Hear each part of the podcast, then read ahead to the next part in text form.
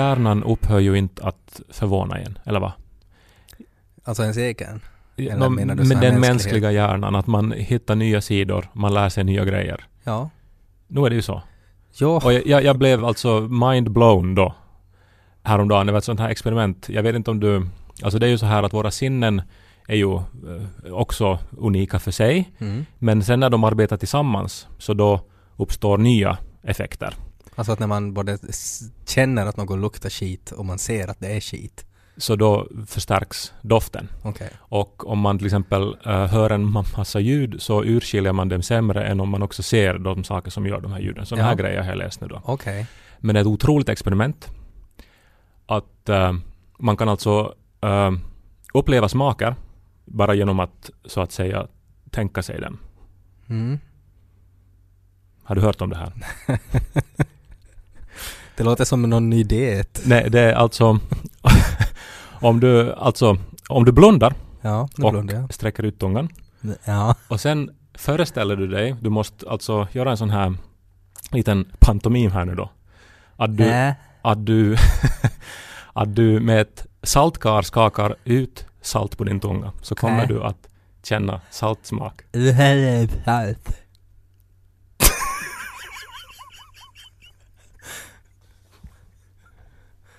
Så det är ju alltså som att Jag jag, försökte fram kameran här men du hann, Ja. jag hann inte. Du, så det är som att jag sög av någon alltså? Ja. Ja, ja. Eller inte sög av utan att försöka få dem att komma i min mun.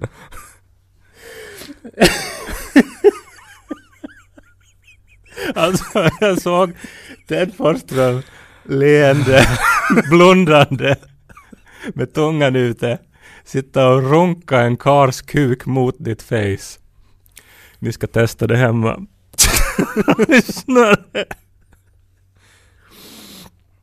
Det där var ju mycket värre än det där att man ska sätta fingret på tungan och säga py pan. Det var liksom en helt ny nivå av det där. Sen om man, om man klarar av att hålla masken så skulle det gå vidare att man säger att men försök liksom från andra hållet sätta salt och peppar. Så Som man, är samtidigt. sitter man i mitten. Ja men det där var jättekul. Kanske en del orsak till att jag är lite vipsig då, utom att jag lyckades lura dig, så är att vi befinner oss i ett magasin vid Vasa Teater. Mm. Och teatrar är ju fantastiska. Ingen annanstans hittar man ju sådana saker som i ett eh, teaters magasin. Alltså här finns eh, en sån märklig uppsättning saker. Och sen finns det så här skynken överallt. Mm. Överlag finns det väldigt få skynken i folks liv nu för tiden. så här att... att Det, är, det är väldigt sällan man kommer in i en lägenhet och är sådär men dra bort alla skynken. Ja, nu men- ska vi bo här. Ja, eller att man vill du ha det som en inredningsdetalj för att skapa Mm. så här dramatik. Vad Mm. har jag under skynket? En överraskning. ja, Vad har jag för möbel här? men exakt. Alltså lite så här spänning. Mm. Och här är det ju sk- skynken överallt och sen också så är det inte som att man blir besviken heller när man kikar bakom dem. För här Nej. finns fantastiska saker. För att är det ett skynke som ser ut som en drake under skynket så ett normalt hem när man drar bort det så är det ju bara typ en krukväxt eller någonting. Men på en teater så är det en drake under skynket. Eller hur? Och sen finns det sådana här podier överallt med trappor och lampor Mm. som man kan du gå upp för och vara musikalartist. Så Mm. här som alla pojkar drömmer om.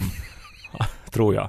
Mm. som lyssnar på den här podden känner igen sig. Och, och en, en orgel står här, en sån här tramporgel som fanns i, i, i min lågstadieskola, minns Mm. jag. I alla rum hade de en tramporgel. Jag har inte sett en tramporgel sedan dess tror jag. Men här finns det.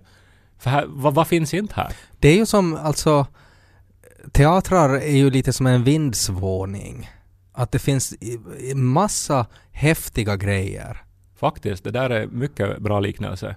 Eh, Och, och nu pratar vi om sån här gammaldags, alltså från alltså den äldre generationens vindar, då när allting ännu sparades. Mm. För idag har man blivit att allting pyts ut när det blir Mm. slitet och kastas bort. Men Jo, då på, sparar på, man ju på äldre vindar så kunde man liksom hitta saker från början av 1900-talet. Ja. Alltså, Alltså, vi, vi slänger inte den här konservburken, vi kan spara den. men exakt just så är den här teatern. En gammal vind där man kan hitta precis vad som helst. Och man Mm. kan gå upp för trappan full av förväntningar, Full. lite nervositet och sen aldrig bli besviken. Nej. Lite som den här podden.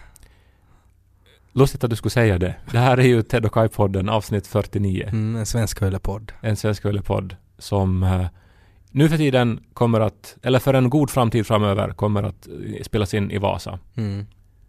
Tror du tror det kommer att märkas på något sätt? Ja, kanske att det hörs att det blåser mera. Det är väldigt blåsigt i Vasa.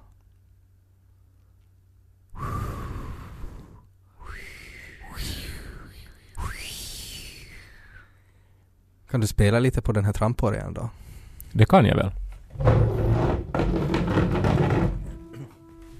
Den har en sån här blåsbäll som man måste trampa om du hjälper här Ted. Ja. Thank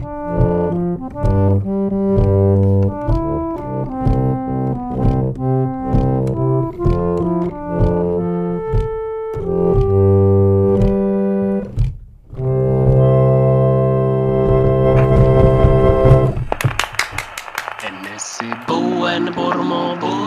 Buto Sarbottning Som talar sitt så popna popcorn Så börjar vi Popnu denna popcorn Så börjar vi Lys på Ted och Kai Vi var igår kväll, jag och Kai, på en kinesisk restaurang. Och det här är första gången som man i samband med maten fick, fick jag en fortune cookie. Och Kai fick också en fortune cookie. Jag har aldrig någonsin fått en fortune cookie tidigare. Även om i varje film där de eh, äter Chinese takeaway så äter de fortune Mm, cookies. nu heter det ju lyckokaka på svenska. Ja. Jag har fått någon gång, men väldigt sällan. Glückskex heter det på tyska. Glückskex. Det står med stora bokstäver. Så det är alltså tyska fortune cookies från en kinesisk restaurang. Ja. Då vet vi att, att det här är någonting man kan lita på. Mm. Jo, men det är spännande. Eh, Jag tror jag tidigare i podden pratade om att jag eh, så här blir vidskeplig ibland. Ja, och just eftersom du är så, så, så skrek jag ju igår när vi skulle äta, så skrek jag Sätt inte glückskexet i munnen Kai. Eh, och så slet jag det av dig. Och så tänkte jag att vi sparar det. Att vi ska öppna de här glückskexen under podden. Ja. För då tror jag att vi maxar din vidskeplighet. Nå, men grejen är att den är redan maxad för att vi fick dem eh, under den första kvällen som vi bodde i Vasa. Mm. Alltså, vi hade precis anlänt, vi ska inleda här nu en repetitionsperiod, vi ska spela en föreställning, vi kommer att bo eh, flera månader i Vasa. Mm. Det var ju Och det, är väldigt, och det är riskabelt att hur kommer det att gå med showen, kommer vi att klara av det på tu man hand och är Jag ska vara borta från min sambo Mm. och så här, du är från din familj ännu, de kommer hit senare men Mm. alltså det är liksom en massa sån här oro igen Mm. och nu plötsligt så står vi här då med svart på vitt. Mm. Så det är ju redan maxad den här Ja. oron. Men vi, Ja. vi, spar, vi, vi suger lite på dem Ska vi inte öppna dem nu genast? Men tänk om det blir jättedålig stämning då, om det är hemskt. Ja. Om det är så hemska saker idag. Det påstås ju, eh, alltså som sådana här bra talare, så menar jag att ett tips för att man ska så att säga hållas uh, skärpt och hållas eh, kortfattad och uh, rakt på sak och tydlig i sitt tal är att man är lite kissnödig när man håller talet. Att man ska hålla sig eh, från att fara på vässa. Nej men det är ju en jättedålig idé.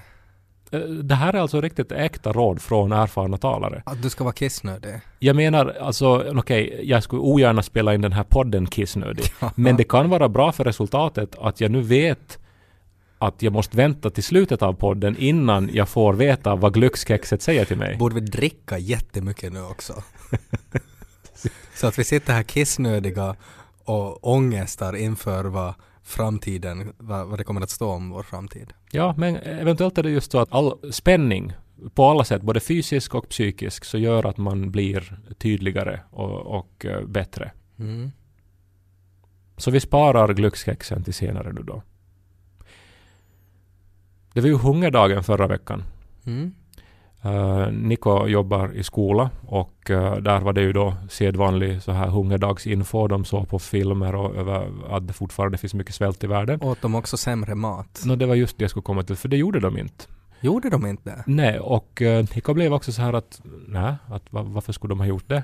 Och så berättade jag då om alla de här åren då eh, i lågstadiet. Mm. Eh, För så var det ju i vår skola och tydligen också i er skola. Eventuellt var det kanske bara då i vår kommun. Men alltid på hungerdag så fick man sämre mat i skolan. Men det är ju, alltså det är ju, jag tycker bara det är så korkat allt det där.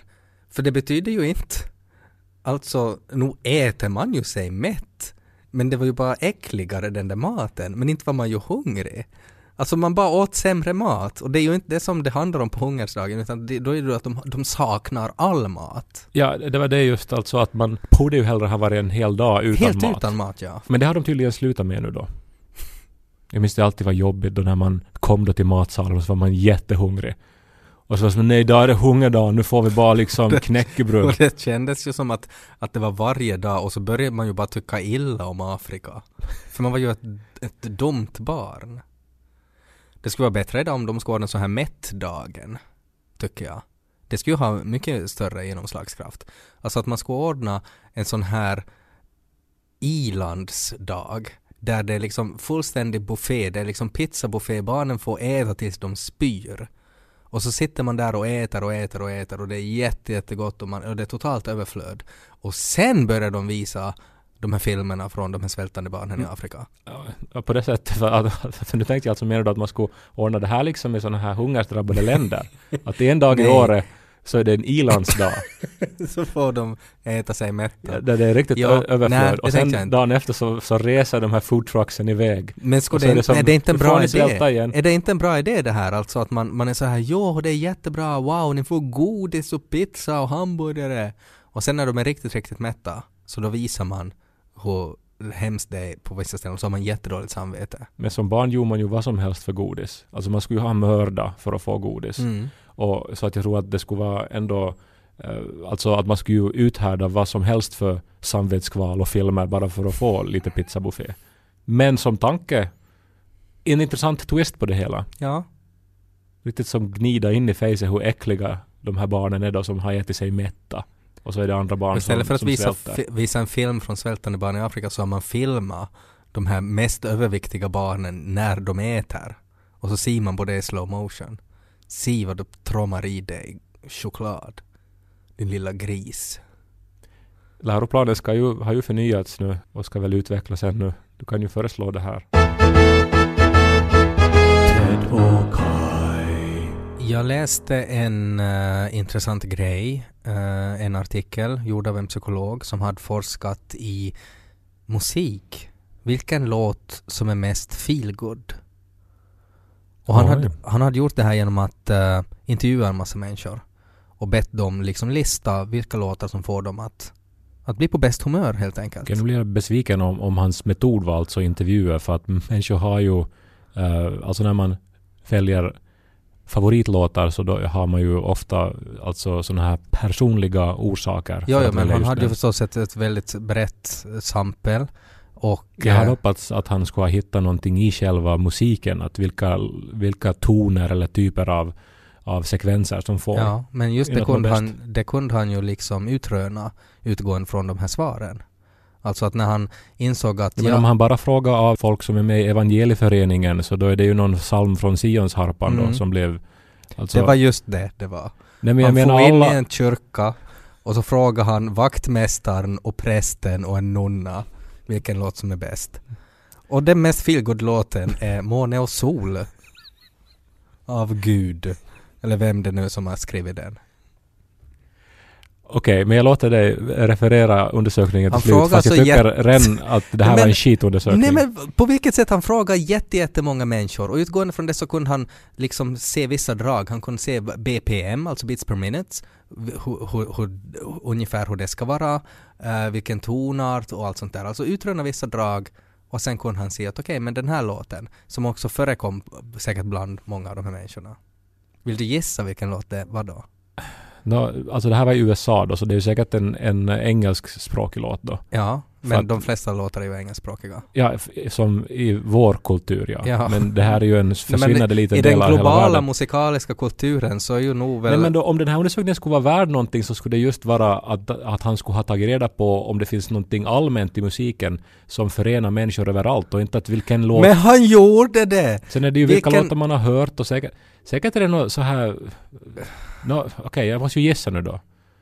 Eh, Tänk att, att när jag ska prata om vilken låt som är mest feelgood så blir du otroligt bitter nej, jag, jag, jag blir ledsen på det, ledsen. att du om och om igen läser någon sorts skitvetenskap på nätet och så presenterar du det som sanning och som någonting Ja men det är sanning. Nå, Shiny Happy People med R.E.M. Nej, Nå, Don't Stop Me Now av Queen. Den låten är mest feelgood mm, av en psykolog. ja, Frågat av jättemånga människor. Ja. Men skulle han ha frågat det för tio år sedan så skulle de inte ha sagt samma sak fast den låten är från 80-talet visst. För att den låten fick ju ett stort uppsving när den började användas i alla de här talangjakterna på TV. Eh, de här idols och allt det här. Så, så var det ju på var tredje audition så användes Don't Stop Me Now. Och det var en låt som Mm. ingen hade känt till. Mm. Och sen så har den förknippats då med lördagsunderhållning. Vet du vilken låt som är mest feel bad genom hela världen? Det är den här Kai Korkeahos röst låten. Åsikter. Hur ska vi få upp stämningen här nu? Kan ju spela Don't Stop Me Now på tramporgel. Nej.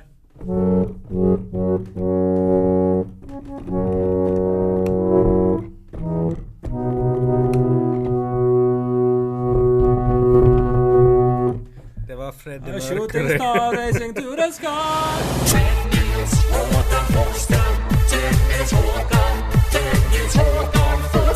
Läste du om det där huset som brann i USA då? Nej, tror jag inte. Det var ett hus som brann i USA och sen när brandkåren var där eh, så hörde de en man som skrek någonting eh, när de höll på och skulle släcka det och så sprang den här mannen in i det där brinnande huset. Och brandkåren var sådär att What the hell is he doing that maniac? Han skulle rädda någon som var där inne eller hämta någonting. Ja, och så kom han ut med en laptop Ja. och så sa han att han är en författare och han har två färdiga böcker skrivna på den där laptopen. Ja. Det här, det här är ju... Jag, när du sa att han var författare så då liksom hoppade jag till. För jag tänkte Mm. så här att det där skulle vara det värsta. Mm. Och det är till två färdiga böcker. Ja, han Det- är inte så bra författare då. Kan ju handla om alltså, alltså tio år av jobb eller något. Men jag förstår inte riktigt det där för att det är ju så att om du inte har någonting på tre olika ställen alltså att om, om du jobbar med någonting digitalt en text till exempel om du inte har den här texten på tre olika ställen så då finns den inte. Baskunskap i livet nu för Mm. tiden. Att säkerhetskopiera nu åt åtminstone tre Och ställen. det är ju så lätt Och ju viktigare också. det du har är, så säkerhetskopiera flera Mm. gånger. Och det kan man ju inte som säga tillräckligt många gånger. Jag, jag, jag var ju med om det där, och du var också med om det. Vi höll på att skriva manus till, um, till en hemsida som hette pleppo.fi. Vi Det här är ju länge sketcher. sedan. Ja, jättelänge sedan. Vi höll på en hel sommar. Juni och juli hade vi hållit på att skriva sketcher. Mm. Och, alltså dagligen. Mm. Och eh, i slutet av juli kraschade eh, min hårddisk. Mm. Och eh, alla manus, allt vi hade jobbat med under två månader försvann. Precis varje uh, mödosamt hopknåpad formulering. Mm. En hel del förstås av skämten så kommer man ju ihåg sen. Ja. Eh, Men det blev aldrig lika roligt som det var då. nej, och sen var det alltid så här att är det någon sketch vi har glömt nu då som, Mm. som, som vi skrev därför det var ju massa som försvann. Mm. Men, men så han sprang in i, i huset och han klarade sig oskadd Mm. och det var hans hus får man anta. Ja, jag vet inte varför han skulle ha haft sin laptop i någon annans hus. Kanske det var, kanske han stal en laptop och så, Det så kan, ja, det är ju sant. han var en För att, för att brandkåren reagerar ju sådär att ja, ja, men det var ju eh, livsfarligt det du gjorde, men att okej, låt gå. Det är ju en sån här klassisk fråga. Man borde ju göra det där, alltså att så fort man ser ett hus brinna så ska man bara springa in, hämta ut TVn, eller det som är dyrt, och säga jag har två böcker skrivna på den här TVn. Man måste hitta på något, då, något annat eh, än det då. Ja, men något lika viktigt. Men det är alltså en klassisk fråga från förr i tiden. är ju det här när man- vill liksom lära känna någon människa. Mm. Så är det som att vad skulle du ta med ur ett brinnande hus? Det är Och- samma sak som vad skulle du ta med till en öde ö? Ja, och det är så dumt. Ja. Men eh, Vad skulle du ta med till en brinnande ö? Brukar jag fråga. Det- mycket det är en mycket intressant. intressantare fråga Mm. faktiskt. Vad skulle du ta med till en brinnande ö? Nå, För jag tänker att man skulle kunna vänta i vattnet tills allt har brunnit ner. Så man skulle, för många är ju sådär, en brandsläckare. Men sen, vad ska du göra sen då när branden är släckt med den? Inte något. vattnet kring en brinnande ö skulle förmodligen börja koka helt där vid Ja men man får väl också. simma ut då till någon sten. Ska du trampa vatten där då medan ön brinner? Ja. Och sen så får du tillbaks då till land där det glöder Ja, ännu i liksom dagar. ja. Och sen finns det ju ingenting där nej, nej, nej, men just därför skulle man ju måste ha med sig någonting. Och vad skulle man ha med sig? Nå, alltså man måste ju ha med sig vatten och mat alltså. Men det är ju jättetråkigt svar. Men det, annars dör man ju genast. Men man kan ju gräva efter en brunn. Då har man fixat vatten. Vad skulle du ta med till en brinnande ö då? Någon sån här GPS, nödraketer, en telefon. Jaha, vad ska du göra då efter tre timmar när akkun är slut?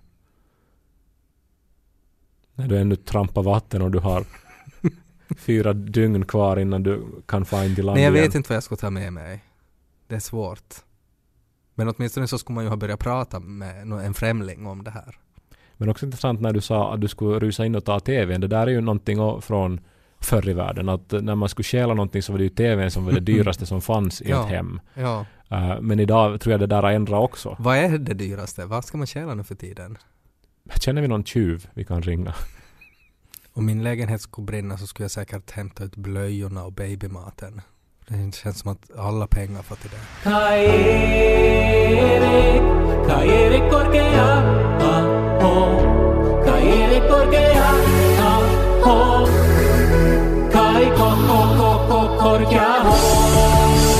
Min kusin skickade mig ett väldigt fantastiskt fotografi som är alltså min mormor på en kamel. Oj, jag visste inte att din mormor har rest. Nej, hon har väl rest en gång.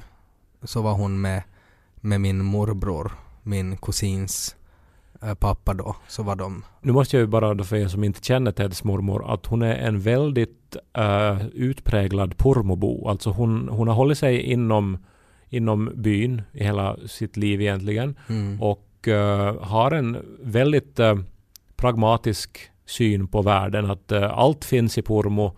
eh, inget annat är viktigt. Snarast är det lite farligt. Mm. Man ska helst aldrig lämna Pormo. Hon är en typisk österbottnisk pensionär.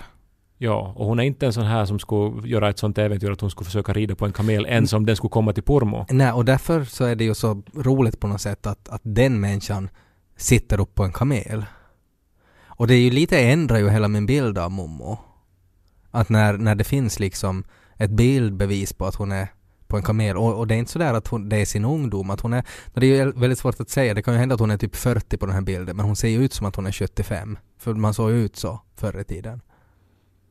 Ja, det var lite som när min mamma som eh, det här har, hon är också en väldigt utpräglad SU-bo.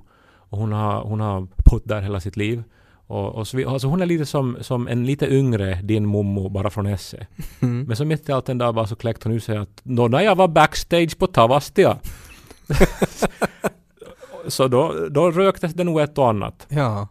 Hon hade ju inte rökt, gud förbjude. nej. Men det var en väldigt stor överraskning att hon ens hade någonsin varit i Tavastia och sen ännu sluppit back. Jag har aldrig varit backstage på Tavastia. Nej, det är väldigt speciellt. Hur hade hon kommit dit då? Jag för- förtäljer inte hennes historia. Men jag tror hon var väl så här, hon var väl, hon var ganska så här ung och, och såg bra ut och så blev hon inkallad av bandet eller någonting. Mm. Är det häftigare att vara backstage på Tavastia eller att vara på en kamel? Nu är backstage på Tavastia mycket häftigare. Ja. Men vem som helst kan rida på en kamel. Man behöver bara fara till någon cirkus eller fara förstås docent till, till Man Marocko. behöver bara få till någon cirkus. Ja men där de har en kamel. Ja men nu är det nog väldigt stränga regler vem som får rida på kamelen. Men vad var historien då? Hur har hon hittat en kamel? Nej men de var väl till Rhodos tror jag och så var de väl på någon strand då och så mitt i allt var det mommo. Är uppe på den där kamelen! Ah, Hör man svagt i bakgrunden. Men är det inte roligt när äldre människor överraskar en? Ja.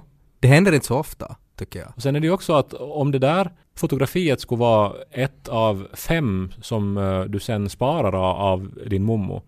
Så då får ju eftervärlden en, eh, en, eh, en väldigt snedvriden bild av henne. Alltså det är ju det just att, att sen när mommo dör och om hon ska ha en sån här, vad heter det, så här in memoriam, en minnesstund. en minnesstund och sådär, så då ska man ju ha ett foto av den här människan. Och att om vi då sätter det här fotot där mommo rider på kamelen, så det ger ju nog en väldigt annorlunda bild av mommo det. Ja, alltså man kan välja... Men det är ett väldigt fint foto. Alltså på ett sätt så skulle jag tycka att om jag skulle dö nu så skulle det vara jätteroligt att det skulle finnas ett foto av mig på en kamel på min begravning. Eftersom det är så motstridigt till vem jag var. Att jag tycker det skulle vara kul. Har du varit på en kamel? Nej, men du får väl photoshoppa det då om jag dör. Ja. Du bara sätter in mitt face på mommos. Vi har nästan samma frisyr. Samma prickiga klänning. Nu har det blivit dags. Ja, nu jag kan känna att en orsak till att jag upplever att jag har varit ofokuserad har varit Ja, just... men för man har ju suttit och stirrat på de här glückskexen hela tiden. Det har ju inte gått att prata om något vettigt idag. För vi har bara suttit hela tiden. Alltså, det påminner ska vi ju- öppna de här nu då? Det, det påminner ju, antar jag om att vara full Jag har ingen aning om vad jag har sagt. Ja. Noll aning, för jag, jag har bara tittat på de här. Ja, men jag vill ju också så Ja, gärna veta. Här får Och- du glückskex nu då. Och eh, det, det är som sagt, det, de, är, de är förslutna i sån här plastfolie Mm. eh, som det står då Glückskex på. Så vi, vi, vi har liksom ingen aning om vad vi har att f- Tänk för vad förvänta många oss alls. filmer jag har sett där de har ätit sån här och man har ingen aning vad de smakar. De ser ju till och med exakt ut som de ska se ut. De ser ju lite ut som en sån här Pac-Man mm, som med öppen mun. Mm. Och sen så, är- alltså de är ju på något vis böjda då. Ska man, nu öppnar jag den då. Och nu är vi kanske inte så intresserade av, av kexet som vi är av själva lappen inuti. Och jag är ju rädd jag nu för att det här kommer ju att påverka hur jag ser på den här tiden i Vasa, hur jag ser på den här föreställningen, på mitt ny- nya jobb. Okej, ska jag läsa nu vad det står på min? Nå, ja, du börjar. Dein Lächeln ist dein persönlicher Willkommensgruß.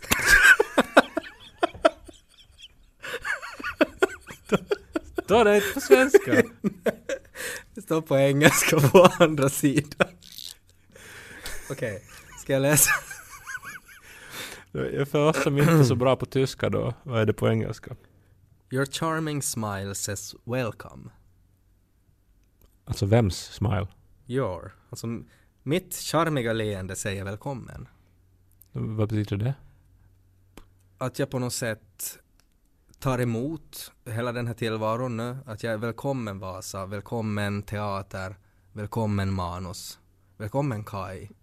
Men Och så du, le- mitt charmiga leende. men, men om du inte ler då? Då är det mitt, mitt face säger gå bort. Okej, vad står det på din? Ska jag läsa mitt nu då? Mm. På engelska läser jag då. You think sunshine makes you happy. You've never danced in the rain. Vad vet, vad vet du här? Tyskjäveln om det. Har du dansat i regnet? Men förstås har jag dansat i regn. Jag har varit på festival och på fester utomhus. Ja, men, ponera att du aldrig har dansat i regnet, så vad, vad är det där då? Liksom att, att det du tror gör dig glad, så det är inte sant. Att egentligen har, är det, det du blir glad av är något du aldrig har gjort för. Ja. Så Ha sex med en kvinna. det här är ju på ett sätt som sådana här nyårsluckor. Vet du att man stöper dem. Uh, alltså men då penn- hittar man ju på själv. Ja, men exakt ja, att man måste ju Tydligen är det så att budskapet i glückskexen så måste vara just så här allmängiltiga så att alla då kan, kan forma dem till något Men som jag, makes har, sense. jag, jag brukar ju inte liksom, jag säger sällan välkommen och jag har inte ett charming smile. Your charming smile says welcome. Ja, och inte vet jag nu, jag har dansat i regnet och inte vet jag nu om jag brukar tänka att solsken är det enda som gör mig lycklig heller. Så att Uh, Är de ens så goda då?